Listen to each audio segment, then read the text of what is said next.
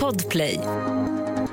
Veckans avsnitt sänds i samarbete med Svenska Frisörskolan som är Sveriges bästa frisörutbildning och godkänd av frisörbranschen. Svenska Frisörskolan har också vunnit titeln Årets frisörutbildning. Mm, nu finns ett fåtal platser kvar om du har funderat på yrket frisör. Gå in på svenskafrisörskolan.se och läs mer där. Annars är du varmt välkommen till ännu ett avsnitt av podden Snutsnack med mig, Hasse Brontén. Där min gäst heter Micke som jag träffade i Malmö och vi kommer bland annat att prata lite om att ha tur. Mm, hur kan man ha tur som polis? Har man bara tur? I Patreon-avsnittet pratar vi om att bli livvakt på ett lite annorlunda sätt och eh, om lite annat intressant. Patreon.com snutsnack. Ja, vi finns på sociala medier. I övrigt så hoppas jag att du tar det försiktigt där ute och så hoppas jag även att du får en intressant och trevlig lyssning. 1310 570 kom. 1310 Odengatan kom. Ja, det är uppfattat. Vi tar det. Slut. Bra. Klart slut. Varmt välkommen till eh, Snutsnack eh, Micke. Tjena! Tja! Tack för att du tog hit mig. Ja, det är du som har tagit hit mig. För vi sitter just nu på, heter det Rättscentrum? eller? Rättscentrum i Malmö, huvudpolisstationen. Precis, och det ser väldigt tjusigt ut. Vi sitter faktiskt, du hade ju varit eh, duktig och bokat ett eh, konferensrum, men det var Det, upptaget. det gick ju sådär. Så nu sitter jag för första gången på många, många år i ett förhörsrum. Och på fel sida skranket egentligen. Det beror ju på vad man har, vad man har ställt till med, eller på att säga. Men, eh, ja, kanske på fel sida. Eh, du har varit polis i många år, Micke. Ja, det blir snart 32 år fullgångna. Ja, jäklar. Jobbat i Malmö hela tiden. Efter skolan naturligtvis. Men skolan i Stockholm? Ja, Sörentorp. Ja, det fanns ju bara en på den tiden. Japp, stämmer. Men varför yrke polis? Ja, det, är- det blev så. Men jag kan väl som en liten anekdot kan jag ju nämna att jag i mycket tidig ålder till en eh, eh, studievägledare i skolan med, eh, på högstadiet. Så sa han, vad ska du bli? Jag ska bli polis. Eller så ska jag bli socialfall. Och jag, Socialfall, inte Mm. socialarbetare. Nej, socialfall. Och då valde jag ju tydligen detta yrket. Det var, Och det har jag trivs med hela tiden. ja, du har gjort det he- Ja, ja. hela tiden? Ja. Ja. det är häftigt alltså. Men för att man, nej, det är väl så med de flesta, men när man söker yrket polis, man, man vet ju väldigt lite om yrket egentligen. Förutom det man har sett kanske på film eller om man har någon släkting och sådär. Men hur mycket visste du när du klev in? samma grunder som de flesta i samhället känner till. Jag hade ingen familjebakgrund med släktingar som var poliser och eh, jag fick ett beredskapsarbete på Kronofogden i Ystad. Och det är beläget i samma hus som eh, Polismyndigheten i Ystad och gemensamt fikarum. Så det väcktes ju naturligtvis en del intresse när man då var 19 tror jag var vid den tiden. Och hur gammal var du när du kom in då? Ja, det, jag sökte ju första gången strax därefter, så i 20-årsåldern. Och kom inte in då. Ah, okej. Och sen eh, gjorde jag en karriär inom eh, eh, kriminalvården. Men sen eh, tyckte jag att nu fick jag ut, vidareutveckla mig. Så det blev det polisskolan när jag var 28 år gammal. Är inte det ganska lagom med 28? Jag tycker det. Ja, Jag tycker det. För man bygger en livserfarenhet som man nästan omöjligt kan ha när man är 20. ja precis. Och sen hade jag ju lärt mig att träffa folk, det vill säga bus. Mm, just det, om, ja, om man jobbar på, Eh, inom kriminalvården. kriminalvården, Ja, det är ju jätte, jättebra. Nej, men, för jag tänker, jag var ju 21. Mm. Och det var, mm, 28 hade nog varit bra för mig. Det tror jag det hade varit för de flesta. Mm. Sen vet man ju hur det är med rekrytering. Man får ju nu för tiden nästan ta in vad man kan få in lagligt så att säga.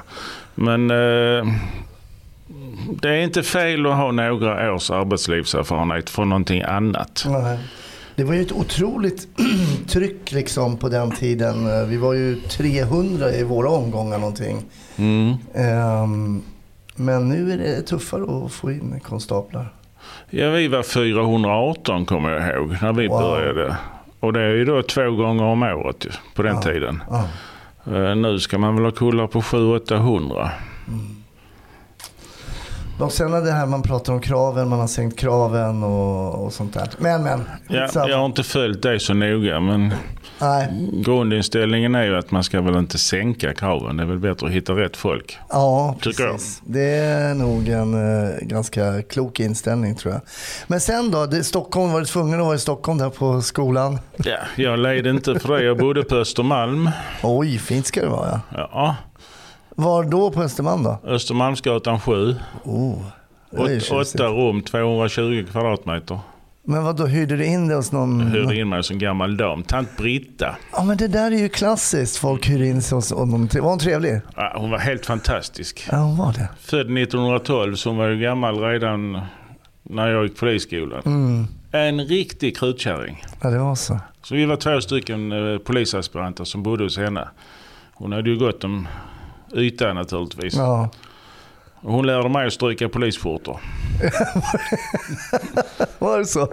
Fast jag var ganska obildbar så hon, eh, hon strök dem oftast åt mig. Oj oj oj. Det ingick i hyran Det liksom. ingick i hyran. Ja. Hon kallade oss hennes bodyguards. Ja, Mycket ja. noga med det uttrycket.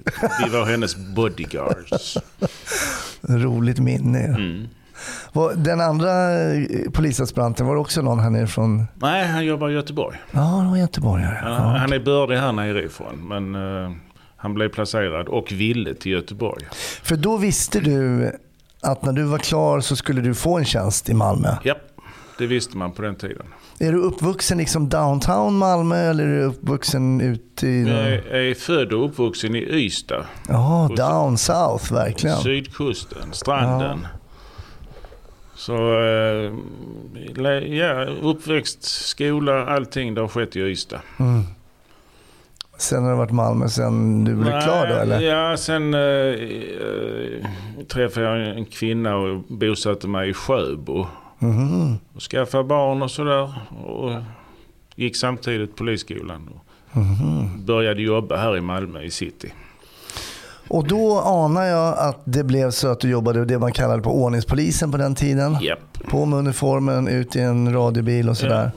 Vi hade någonting som hette övervakningssektion som ingick i ordningspolisen. Mm. Och det var för oss rookies. Just det. Så det, vi fick en äldre, alltså vi, vi är ju färdigutbildade i detta läget. Men gröna. Mm. Så då fick vi åka ut i en folkvagnsbuss med en äldre kollega och sen göra de enklare ärendena. Och vad kan det ha varit då? Var det folk som var för fulla eller? Ja, alla omhändertagande, trafikkontroller trots att vi tillhörde ordningspolisen. Mm. Eh, snattare fick man åka på där i början. En hel del. ÖVS-buss. En ÖVS-buss, helt korrekt. Just det.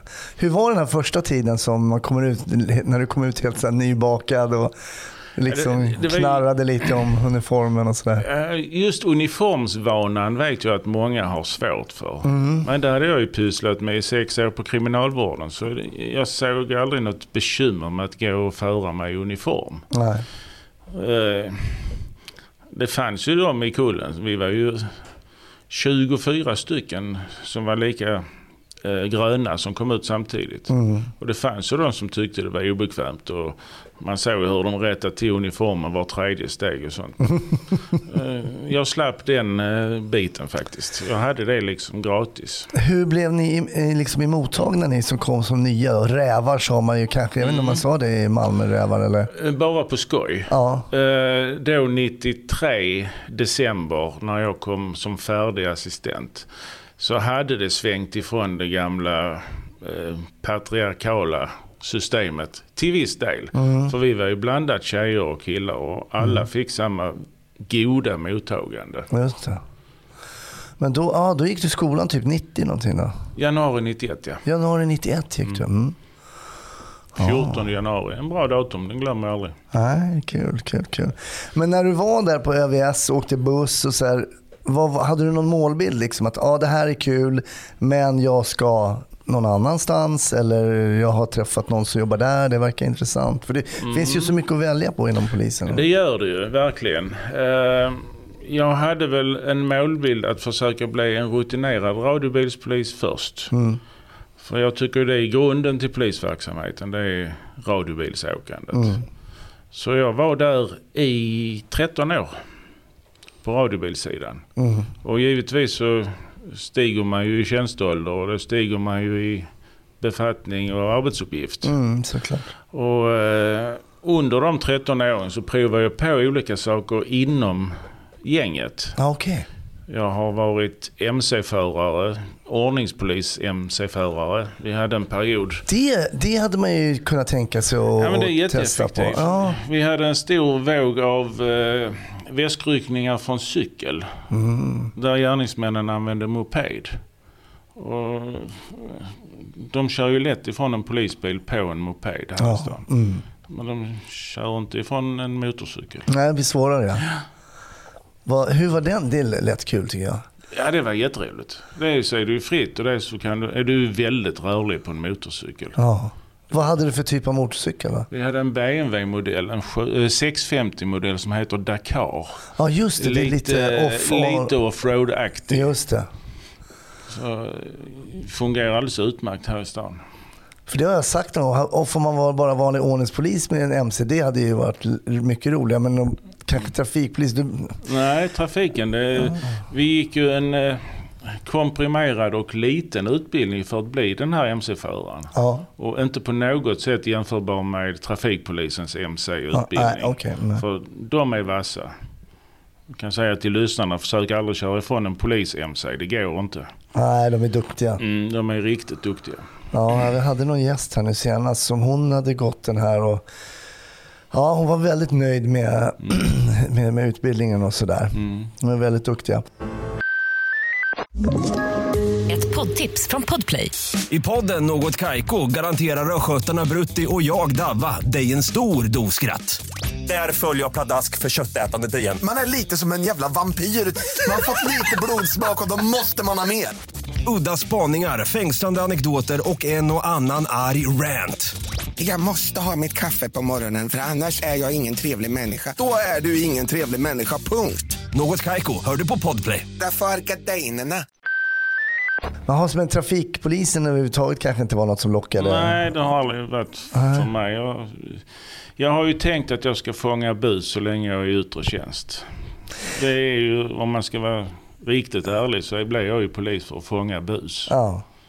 Och hjälpa folk måste jag säga också. Ja, ja det, det, tyckte jag alltid kändes som en ynnest att få gripa eh, bovar. Liksom. Det var ju verkligen det man ville göra. Mm. Och det är någonting speciellt med att gripa en bov också. Ja, och det är ju därför jag har det jobbet. Vi kommer till det sen. Det är Ja. därför jag har det jobbet som jag har idag. ja. Och det är ju... 15 år har jag varit i denna gruppen. Det måste ju betyda att jag trivs rätt bra med det jag gör här. ja, precis. Vi kommer väl alldeles, alldeles Det strax kommer till. till sen. ja. Men 13 år, det, 13 år på ordningen, så här, det är bra jobbat. Alltså. Är, idag ser vi ju folk eh, skuttar ju vidare otroligt. Man måste säga att det mycket, verkar vara en mycket större omsättning generellt Ja. idag kring hur folk liksom eh, jobbar eh, och sen går vidare till någonting nytt.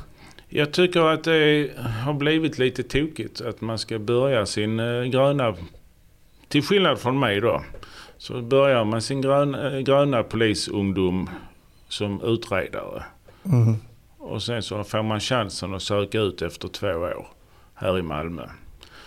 Det systemet har testats och det är väl inte det bästa utfallet. Men eh, vi har sådana utredningsbalanser här i Malmö så vi, har, vi var tvungna att sätta dem på utredning först. Mm. Ja, det är klart, då står man väl och krafsar Man på står och dörren. stampar och vill ut och gripa. Ja, det är klart. Det är klart alltså. För den känslan att gå ut och gripa, det är ju också... I början, när man, nu pratar jag om mig själv, man var ju tänkt att det här kan jag göra liksom dygnet runt. Du behöver knappt ge mig betalt. Liksom. Det är så roligt jobb. Men det blir ju till slut ändå en jobb och ett vardag och, och så vidare. och så vidare. Och, men man behöver kanske liksom ut och rastas lite grann för att förstå det kanske. Jag hade önskat att man kunde i alla fall kombinera de yngre polisernas tjänst så att man gör kort tid inne, kort tid i en radiobil, kort tid inne igen. Mm. Men eh, det får de bestämma som har högre grad än jag. Ja, just det. Ja, det är det där med logistik och sånt. Det har aldrig varit riktigt eh, min cup of tea heller att få det att rulla. Det, Nej, det är nog lite svårt. till slut så inser man ju att bara jag har det bra så blir det bäst så för mig. Ja, men lite så. Man står sig själv närmast givetvis. Efter de här 13 åren då Micke, då... Ja, jag körde eh, en kul grej i de 13 åren. Det var att jag också kombinerade med eh, att eh, under en period, ett antal år, så hade vi hundförare skulle ha en bisittare. Okej. Istället för att två hundförare kör ihop så ska, ska det vara två hundförarbilar med en hundförare och en bisittare i varje. Så det gjorde jag i fem år. Och då greps det mycket tjuvar. Det- Det, då fick du springa mycket också. Börjar man springa har man förlorat.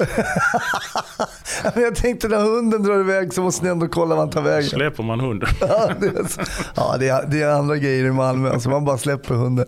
Men det där också, för hundförare, vi skojade lite så här, du sa trafiken, man vill egentligen gripa och trafikpolisen får, får ju alltid lite spott och späs och där har de fått för att eh, ja, de kanske inte griper bus på samma sätt och sådär. Det är liksom Polismyndighetens norrmän man driver. Men även hundförare har ju, brukar ju få, det är lite så här nomader, eh, de åker själva, uniformen sitter aldrig riktigt på plats. Nej, det kan väl stämma till viss del.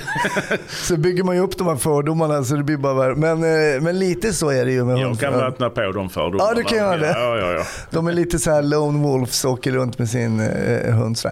Men hur var det att komma in och sätta sig bredvid en hundförare då, då som kanske var van att jobba bara med sin hund och få förstärkning och sådär?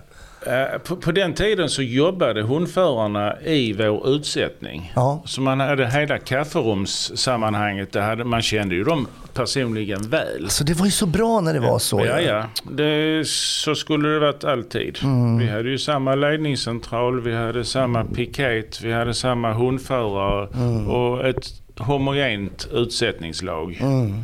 Så där alla kände alla. Just det. Och, Det gillar jag. ja, ja, men det, vi hade samma sak när jag började jobba på Norrmalm. Man hade sin piket och så vidare. Man kände dem och behövde man hjälp så visste man precis vem man ringde och de visste exakt vem jag var. Och det skapade ju såklart, det förenklade ju visst arbete. Ja. Ja, det blev ju mindre ifrågasättande naturligtvis. Mm. För de vet, ja, han vill det. Och vi hjälper honom att komma dit. Mm. Men vi frågar inte varför. Nej. Så det, jag gillar ju den här homogena gruppen. Så du kände, du, säga att du kände den här hundföraren då redan innan centurlaget och Ja. sådär. Så det var inte bara någon ny person Nej. som klev in hos dig. Hur funkade det då? Bara att, för det, måste, det är ändå skillnad att åka en eh, radiobil med, utan hund och sitta i den här hundbilen. Liksom. Hur, hur Ja, det det? blir ju naturligtvis mycket mindre skrivare i hundbilen. De är inte så glada för att skriva. Det blir ett kortare PM och sen får en annan patrull ta hand om Skönt. avrapportering och anmälan och sånt.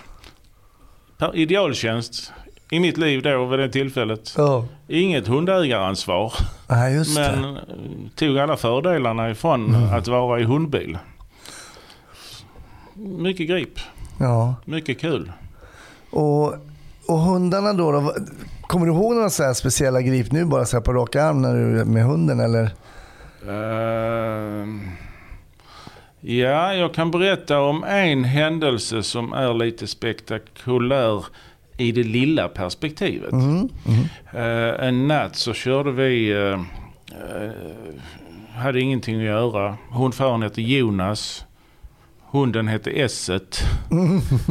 Och så hade vi kommit den dagen att börja prata om att vi ska ha en taktik. Om vi ser någonting som genererar att en buse springer ifrån oss. Så ska hundföraren hoppa ur bilen och börja springa. Mm. Och hundbisittaren ska hoppa ur bilen, öppna luckan och släppa ut hunden. Okej. Mm. Gör man tvärtom så blir bisittaren biten. Mm. Det blir inte bra. Och den Ah, just kvällen just så just det. regnade, det var mörkt ute. Så vi närmade oss en byggarbetsplats. Och så ser vi hur där står flera fordon.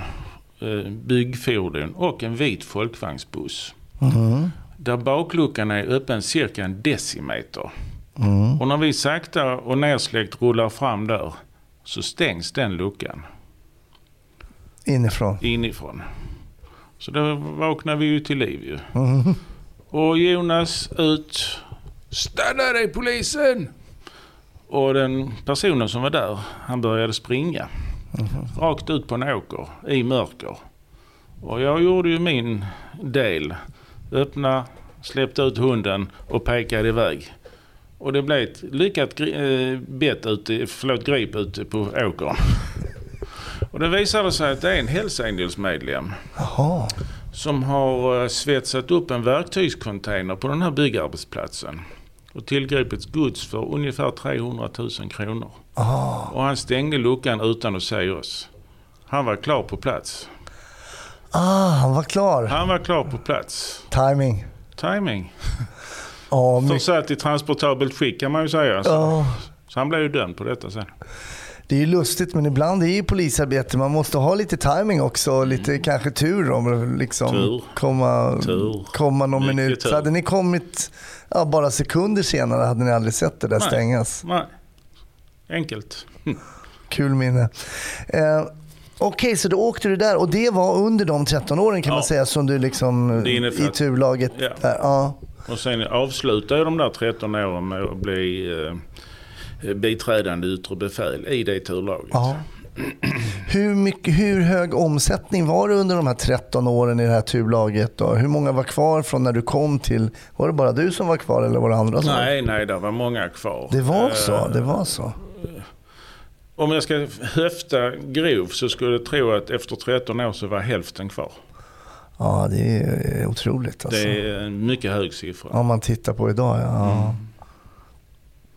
Men sen ville du lämna ordningen? Kände du så här, men jag, jag, jag kan tänka mig bara göra någonting annat nu eller? Nej, det var faktiskt en uh, tjänstetillsättning som gjorde att jag lackade till lite grann. Mhm. Jag fick en befälstjänst per telefon. Okej. Så sa jag, det får jag tänka på. Ja, du har fem minuter på dig. Oj. Ringde han upp igen. Så sa jag, nej tack, jag tar inte den befälstjänsten. Så jag har varit befäl på papper i fem minuter. Det är den kortaste befälskarriären i Malmös historia. Du hann inte delegera några uppgifter eller Nej. någonting. Det, det gjorde jag inte. Men är det någonting du ångrar att du tackade nej där? Nej. Eller? Nej. Eh, Förutsättningarna var så att jag, jag ville inte ha det för jag skulle hoppa runt i en massa olika utsättningar och inte... Jag skulle vara en extra yttre befälsresurs som kunde tjänstgöra en månad i den utsättningen och en månad. Och det var därför jag tackade nej. För det där, nu ska jag ju fråga dig, men, men ehm, det finns ju en anledning till att man stannar 13 år i en grupp så att säga. Och det, där med, det är inte för alla heller att kanske byta hela tiden. Då tappar man den här kontinuiteten och lite det vi pratade om att man har piket och hundförare och så här. Var, var det en av anledningarna att du kände att du inte ville hoppa runt eller? Ja, jag ville inte hoppa runt eh, och lämna min utsättning i sticket på något sätt. Nej, nej.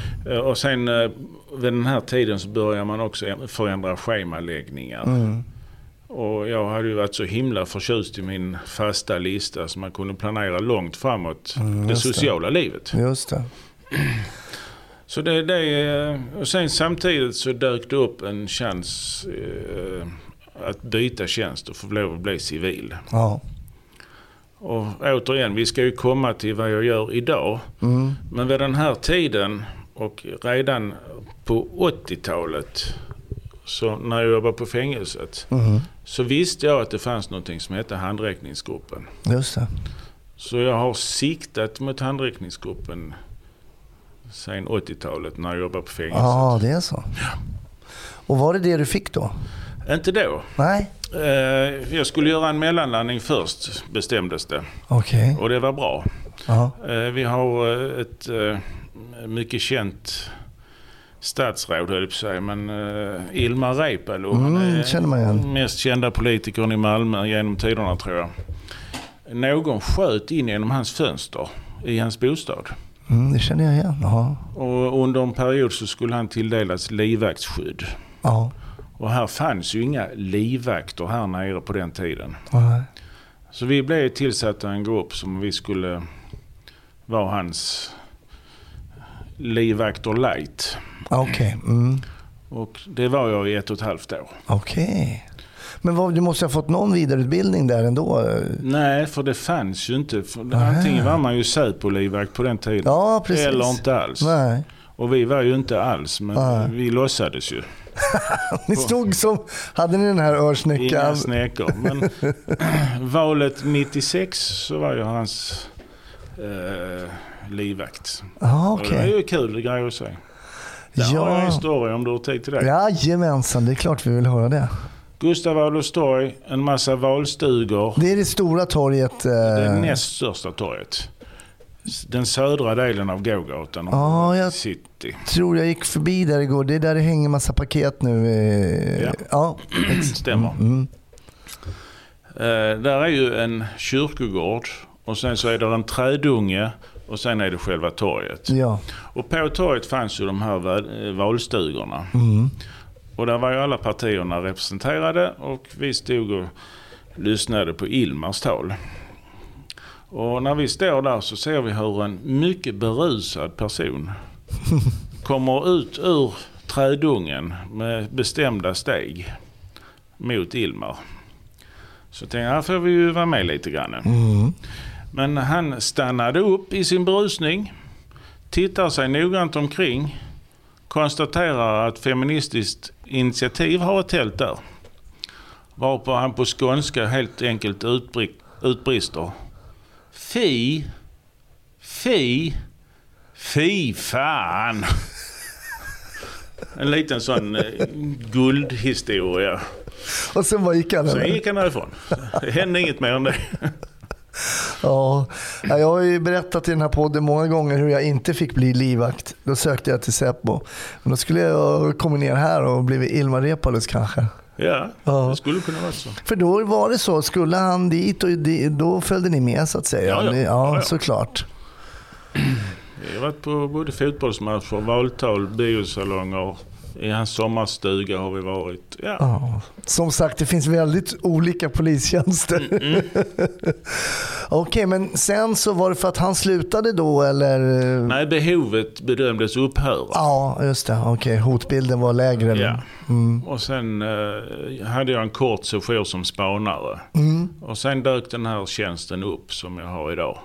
Handräckningsgruppen. Handräckningsgruppen eller personspaningsgruppen. Just det, och vad gör, den, vad gör den gruppen där du är idag?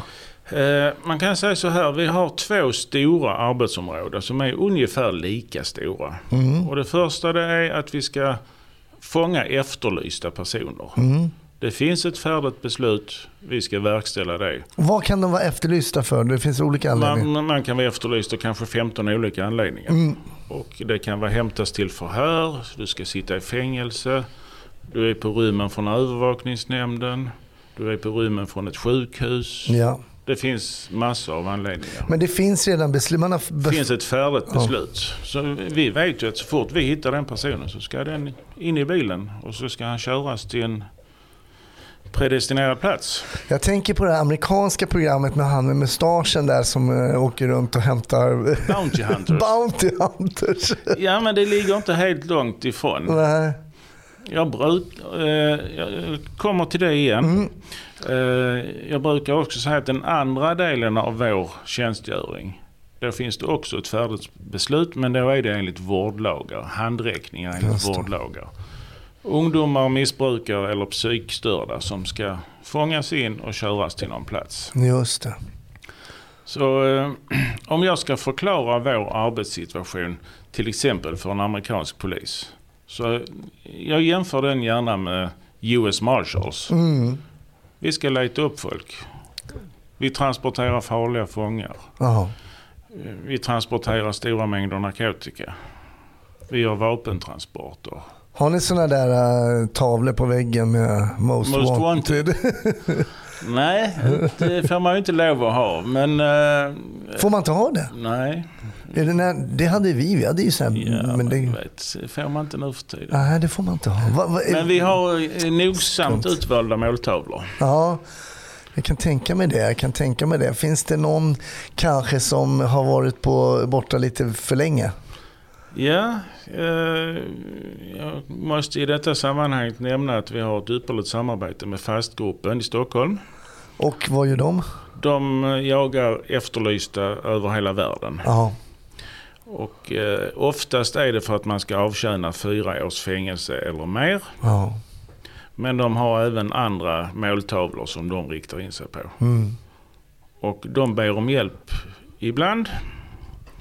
Och i år har vi tagit, jag tror det är åtta stycken åt dem här, Ah. här i stan. Just det. Och det ligger ju... Internationellt efterlysta grova brott. Men hur, hur, hur får ni liksom eftersöka då? Har ni några begränsningar i hur ni får eftersöka folk? Eh, det finns ju begränsningar, till exempel om man ska hämtas till förhör. Mm. Eh, Det är ju av en lägre grad, så då ska man ju undvika det mellan 21 och 06. Men det är ju inte så svårt, för vi jobbar ju 8 till 16.30. Så. Ja. Eh, när det gäller beslut så har jag fått delegation att fatta beslut och gå in i lägenheter. Så det, man behöver vi inte behöver- åklagarbeslut och sådär? Om man... Endast om det är anhållen i sin frånvaro. Okej, mm. Okej, så du kan som chef besluta? Jag kan besluta. Jag är inte chef i gruppen men jag har samma delegation som chefen. Okej, mm, jag förstår. Så att jag kan besluta att här inne tror jag en som ska avtjäna fängelsestraff sitter och gömmer sig. Mm. Då beslutar jag att vi går in där. Just det.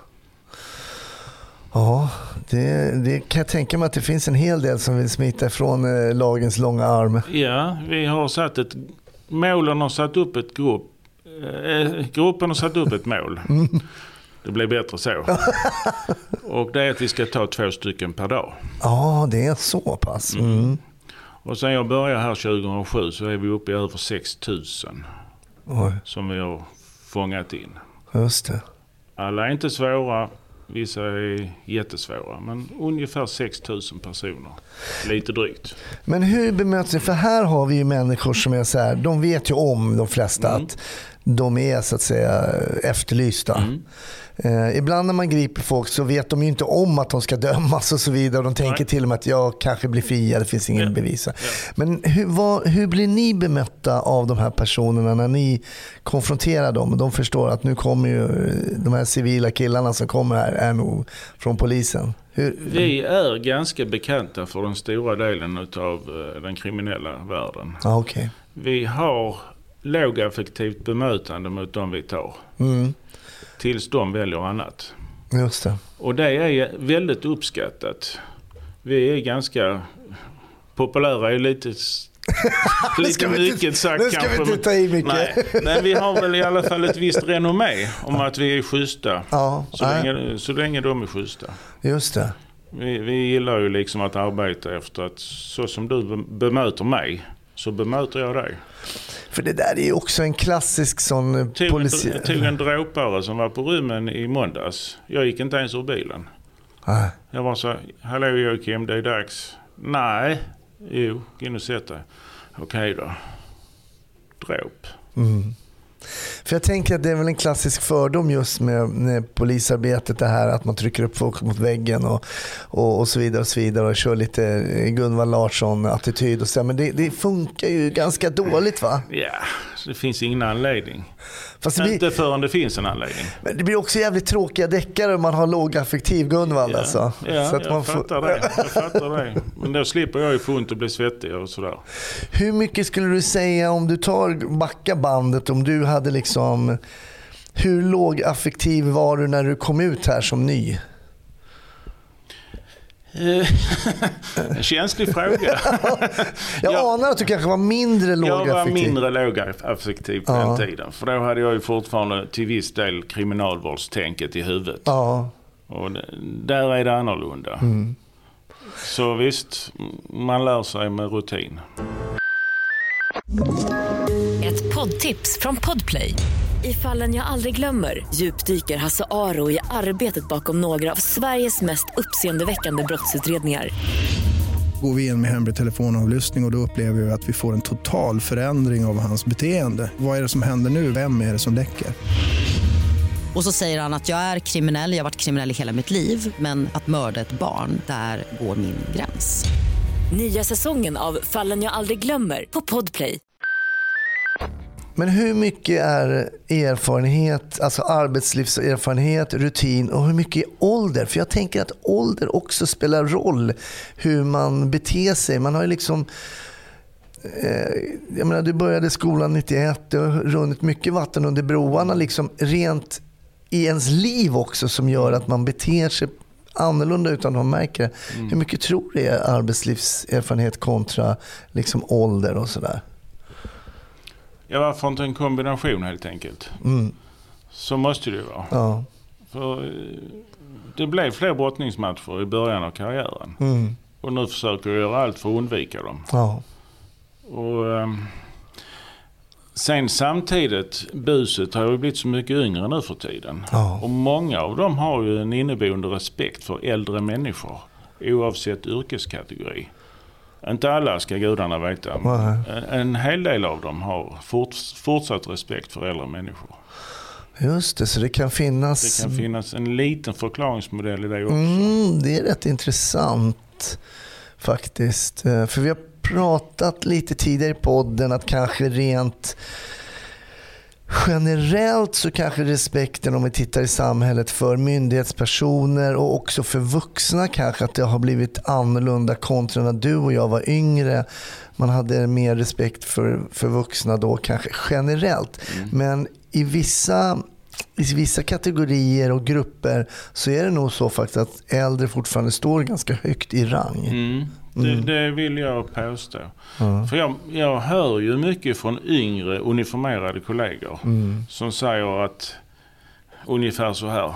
Ja, på er tid så kom ni i en uniform och fick respekt automatiskt. Mm, Just det. Nu måste vi sätta oss i respekt trots att vi har uniform vid varje enskilt tillfälle.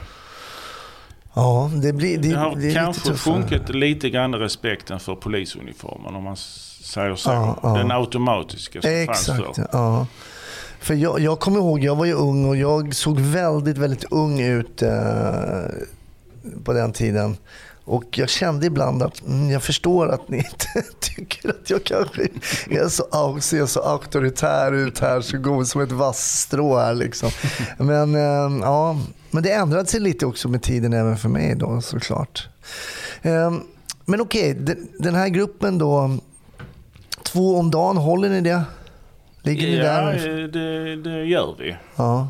Och alla är inte spektakulära. Och det innefattar alla våra kategorier. Så även om vi skulle tvingas omhänderta tant Agda som är 90 år så gå in på psyksjukhus. Så, eh, så räknas hon som en av de två. Vi tar den. ja, just det. Ja. Mm. Men eh, det, vi, vi håller snittet för det mesta.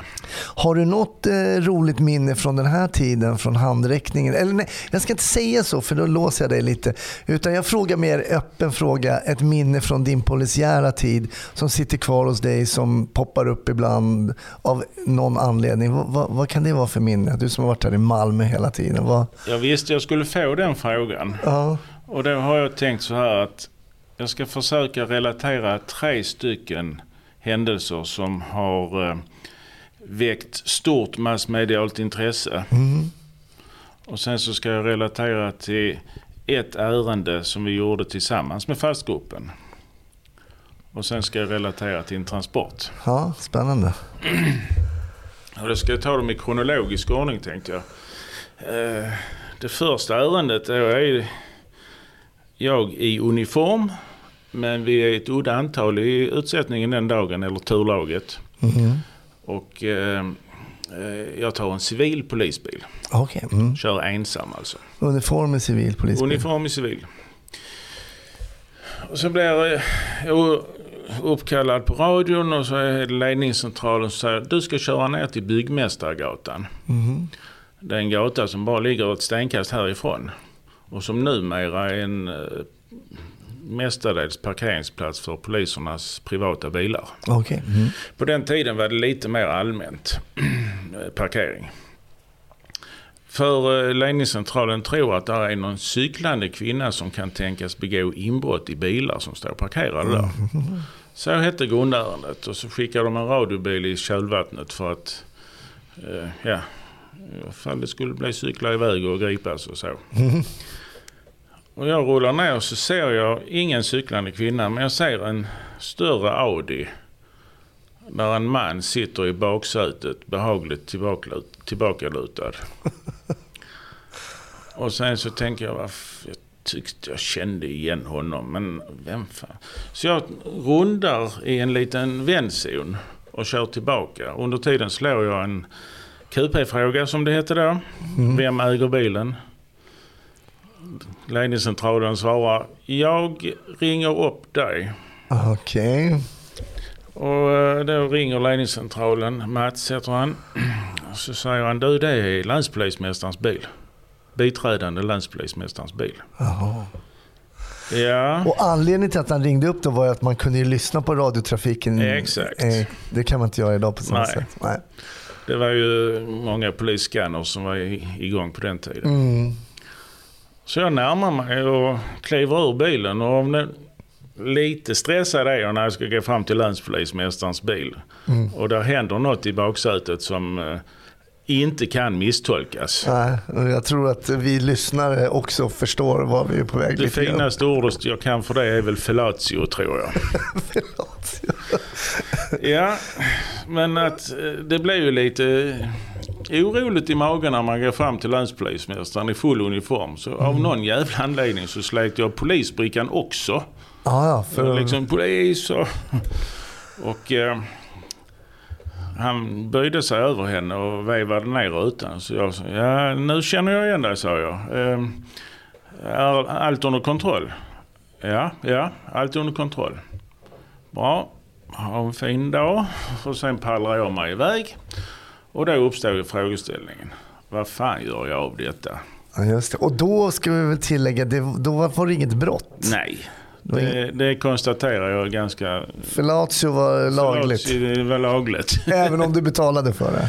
Eh, Det var inte fråga om betalning i det fallet. För det, var ju... Nej, nej, men även om man hade gjort det. Jag säger inte att det var det, men Nej, det hade det, inte hade, varit... det hade kanske varit straffbart på den tiden. Hade det varit det? Ja, kanske. Det, det kommer jag jag kommer inte ihåg när det, när det ändrades. Ah, Okej. Mm. Men jag begrep ju rätt snabbt att jag måste ju dokumentera detta på något sätt. Litet PM. Det blev ett PM, hemligstämplat, som lämnades in till ledningscentralens befäl, vakthavande befäl och mitt yttre befäl. Och så behöll jag en kopia själv. Mm. Och detta var helt tyst om detta i 14 dagar.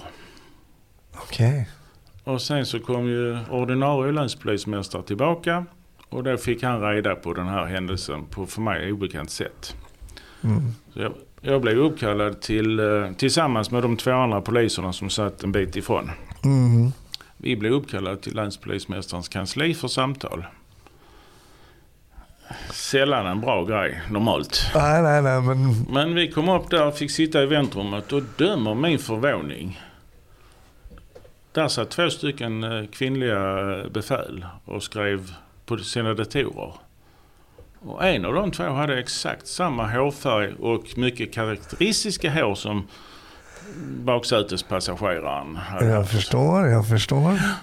Och, eh, vi blev och fick beröm för att vi hade hållit klaffen om det och inte avrapporterat. Ah, Så den där biträdande länspolismästaren han gick strax därefter i pension. Okej. Mm. Ja, vi har ju viss kännedom i dagsläget om att sånt här kan hända på polischefsnivå. Vi ska inte gå in närmare på det, men vi släpper det där. Men en väldigt intressant polisiär upplevelse som jag tror väldigt få poliser har varit med om. Att få knacka på eh, länspolismästarens bil och säga hej just i det läget. Lustigt att du också drog liksom upp brickan. Ja, För, ren panik ju. Vad ska göra?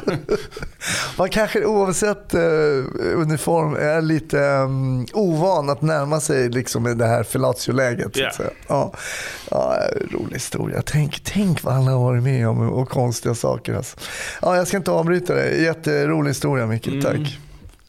Ja, jag ska ta nästa. Har jag tid? Jajamensan. Vi tar den här och sen tar vi nästa i Patreon-avsnittet. Japp. Eh, då tar jag... En, vilken ska jag ta här? Jag tar faktiskt den som har med eh, fastgruppen att göra. Mm, absolut. Eh, en eh, tisdag förra sommaren så fick jag ett samtal från fastgruppen som sa att vi skickar ner en medarbetare på torsdag. Mm. För att på fredag ska, vi, ska ni och vi göra ett gemensamt tillslag. Ja, okej, gärna. Välkommen. Mm. Ja, och han sa det, ja jag tar väl in på ett hotell. Nej, kan slagga hemma hos mig. Ja, för fan, det gjorde han ju. Jaha, trevligt. Så han slaggade hos mig mellan torsdagen till fredagen.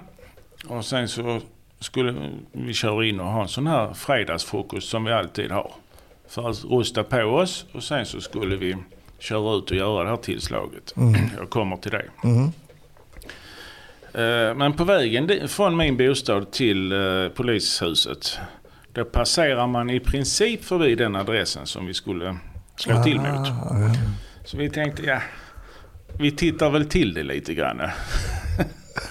jo, så vi närmar oss adressen så ser vi att det står en vit parkerad eh, skåpbil.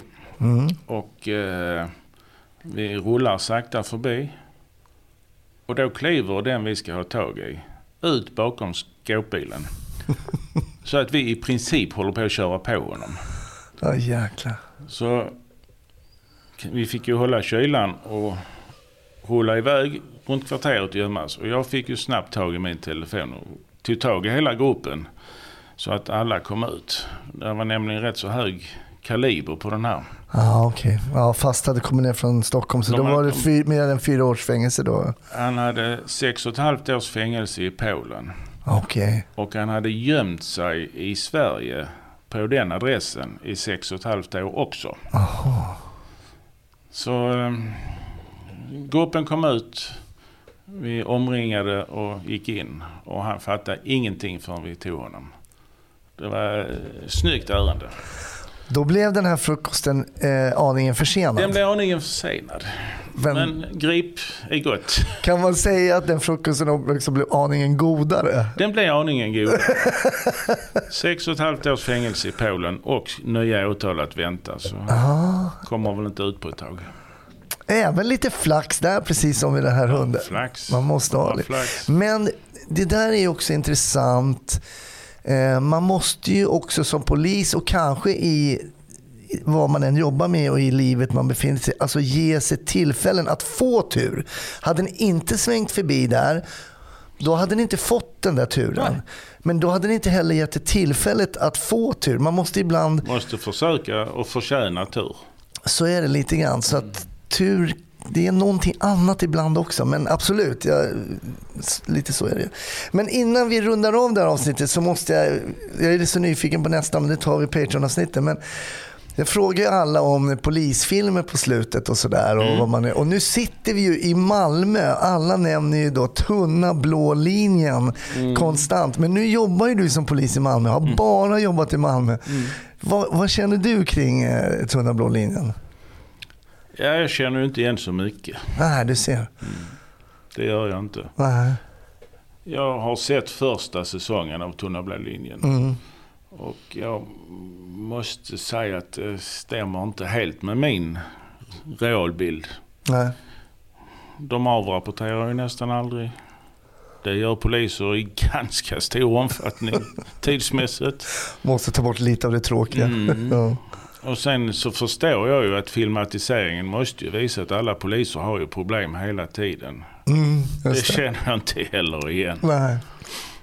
Så det, det är lite mindre upphaussat här från dig i Malmö då, än det är från vissa andra. Ja, men det är Nej, intressant. jag undvek att se säsong två för att Ah, okej. jag tycker inte om det.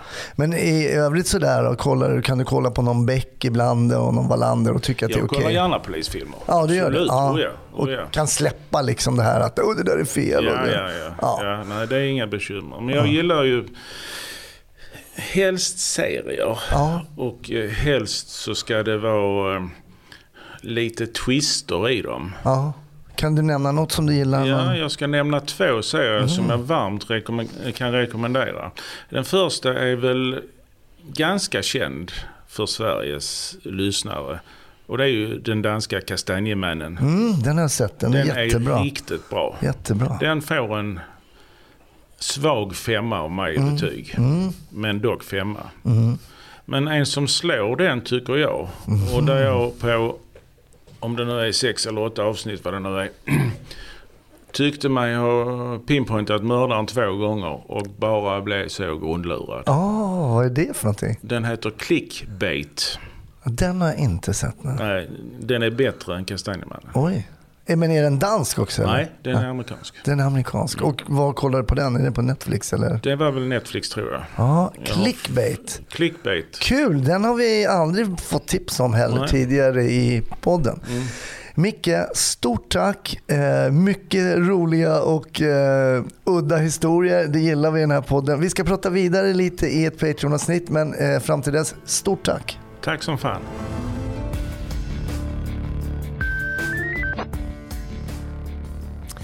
Stort tack. Eh, det här avsnittet är över, men givetvis är vi tillbaka i nästa vecka. Glöm inte att du kan lyssna ikapp bonusmaterial på patreon.com snutsnack.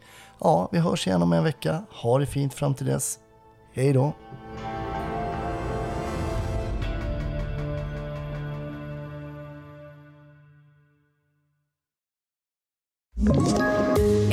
Ett poddtips från Podplay. I fallen jag aldrig glömmer djupdyker Hasse Aro i arbetet bakom några av Sveriges mest uppseendeväckande brottsutredningar.